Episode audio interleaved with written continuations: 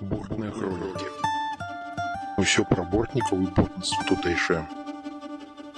Першая серія падкастаў. Усё пра бортную тэрміналогію, таемнымі сцежкамі ў свет бортных слоў і панятак. Трэці тэрмін вельмі важны для самого бортніцтва гэта борць.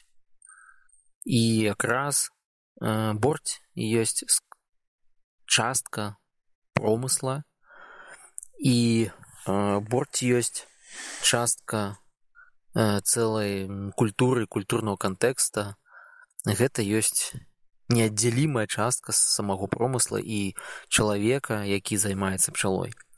Што ж такое борць калі зноў жа вернемся да лінгвістычнага э, паходжання або кантэксту то гэта э, нейкая адтуліна ці камора у усярэдзіне чаго-небудзь. Ну напрыклад гэта можа быць дупло ў дрэве. Ось таму і бортніцтва само яно паходзіць з такіх вось важных паняткаў як як само дупло ў дрэве так і вось такая пустая прастора ў дрэве дзе могуць пасяліцца пчолы. Таму для для для бортніка гэта месца дзе жывуць самі пчолы. Притым што сёння сённяшніх умовах сённяшніх экспедыцыйных запісах і ў сённяшніх вандроўках можна не сустрэць сведчанняў пра самі борці як штучна выдзеўбаныя каморы ў дрэве ў жывым дрэве.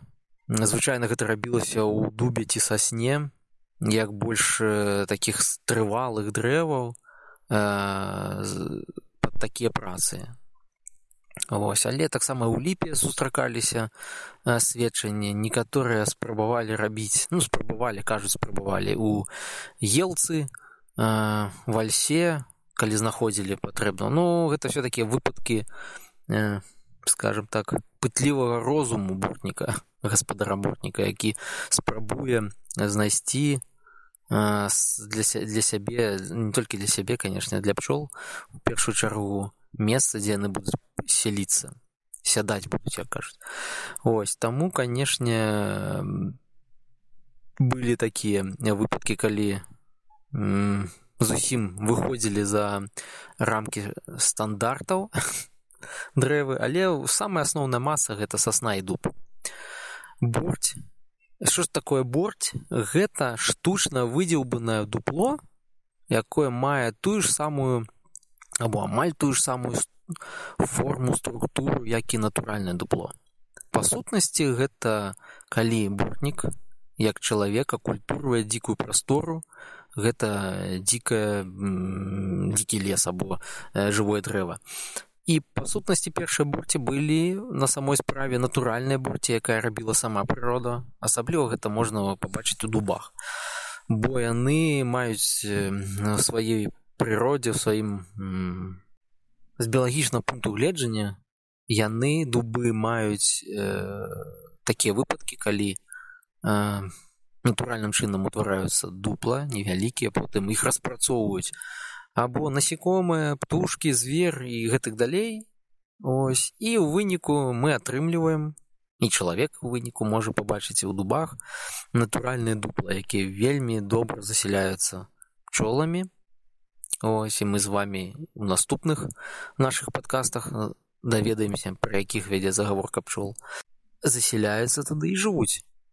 Таму чалавек у першыя ну скажем гады або стагоддзі выкарыстоўваў натуральнае дупла іх акультурваў рабіў з іх з іх больш прыдатную прыдатную структуру прыдатную форму каб можна было кіраваць або назіраць глядзець тых самых пчол якімі ён займаўся бурці звычайна мелі невяліка невялікі аб'ём сёння ну, калі сёння разглядаць памеры які можна было зафіксаваць то яны самыя розныя былі залежалі ад самого дрэва ад структуры дрэва унутранай структуры дрэва э, сама сама камора магла быць э, як метр вышыню глыбіню 20 30 40 сантыметров і зноў жа все это залежала ад канкрэтных выпадкаў канкрэтнага дрэва э, канкрэтных навыкаў самого бортніка магчымасці бортніка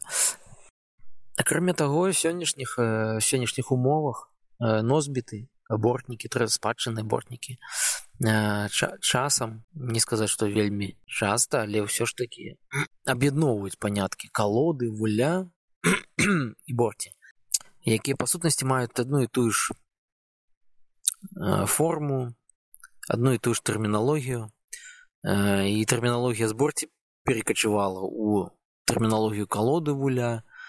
Але ж усё ж такі борт яшчэ калі ўжо больш глыбока уваходзіць у гэтую тэму. Гэта таксама было паняткам і дрэва з пчоламі ў сэнсе дзе ёсць борць там у бортніка борць гэта і само само дупло штучнае дупло зробленае ягонымі рукамі так і дрэва дзе жывуць пчолы і дзе ёсць борць менавіта ў борце жывуць пчолы акрамя таго бортнік сваёй тэрміналогіі ўсё ж такі меў скажем так адрозніваў дрэва з борцю дзе не жывуць пчолы яшчэ не паселіліся пчолы і дрэва дзе ўсё ж таки не жывуць дык вось калі мы кажам такое панятак як ялоўка то гэта якраз тое самае дрэва з борцю дзе пчолы яшчэ не паселіліся а калі ж мы кажам борць або бортнік вам кажа што у меня 5 борцей то значыцца мы ўжо можам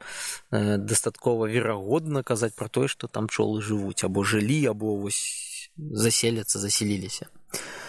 Акрамя таго борце гэта панятак панятак сучасны ў сэнсе што яго бортнікі і сёння выкарыстоўваюць але не вельмі часта борці існавалі з самага пачатку культурнай формы пчалярства як бортніцтва.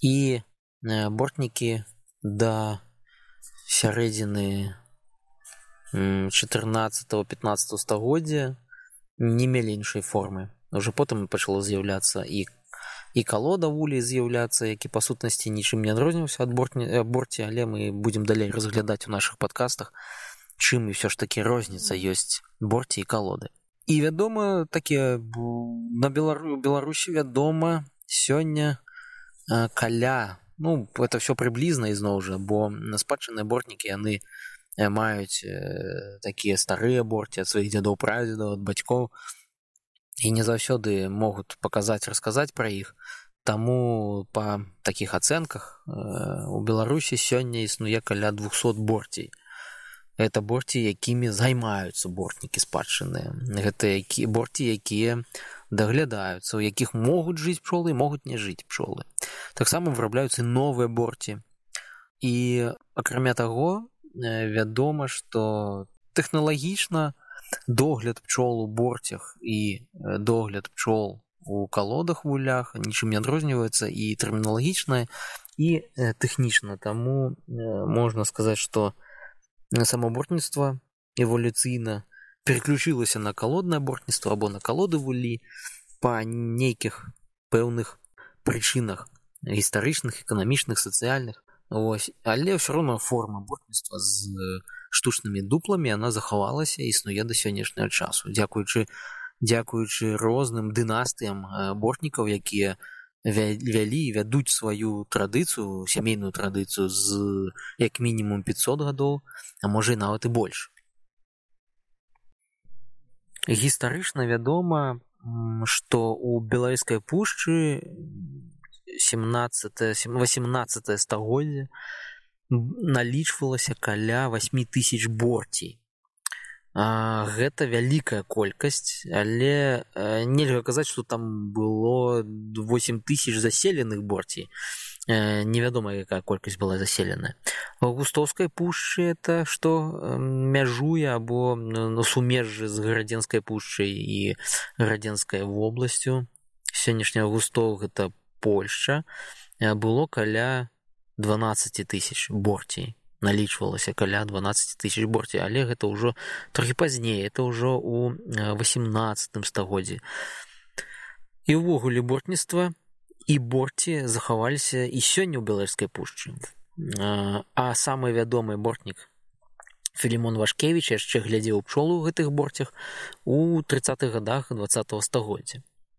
Але пра гэта мы пагаворым у іншых падкастах далучайцеся подписывайтеся пашырайце для мяне гэта будзе прыемна для бортніцтва гэта будзе карысна а для пчалы гэта будзе удвая карысна і прыемна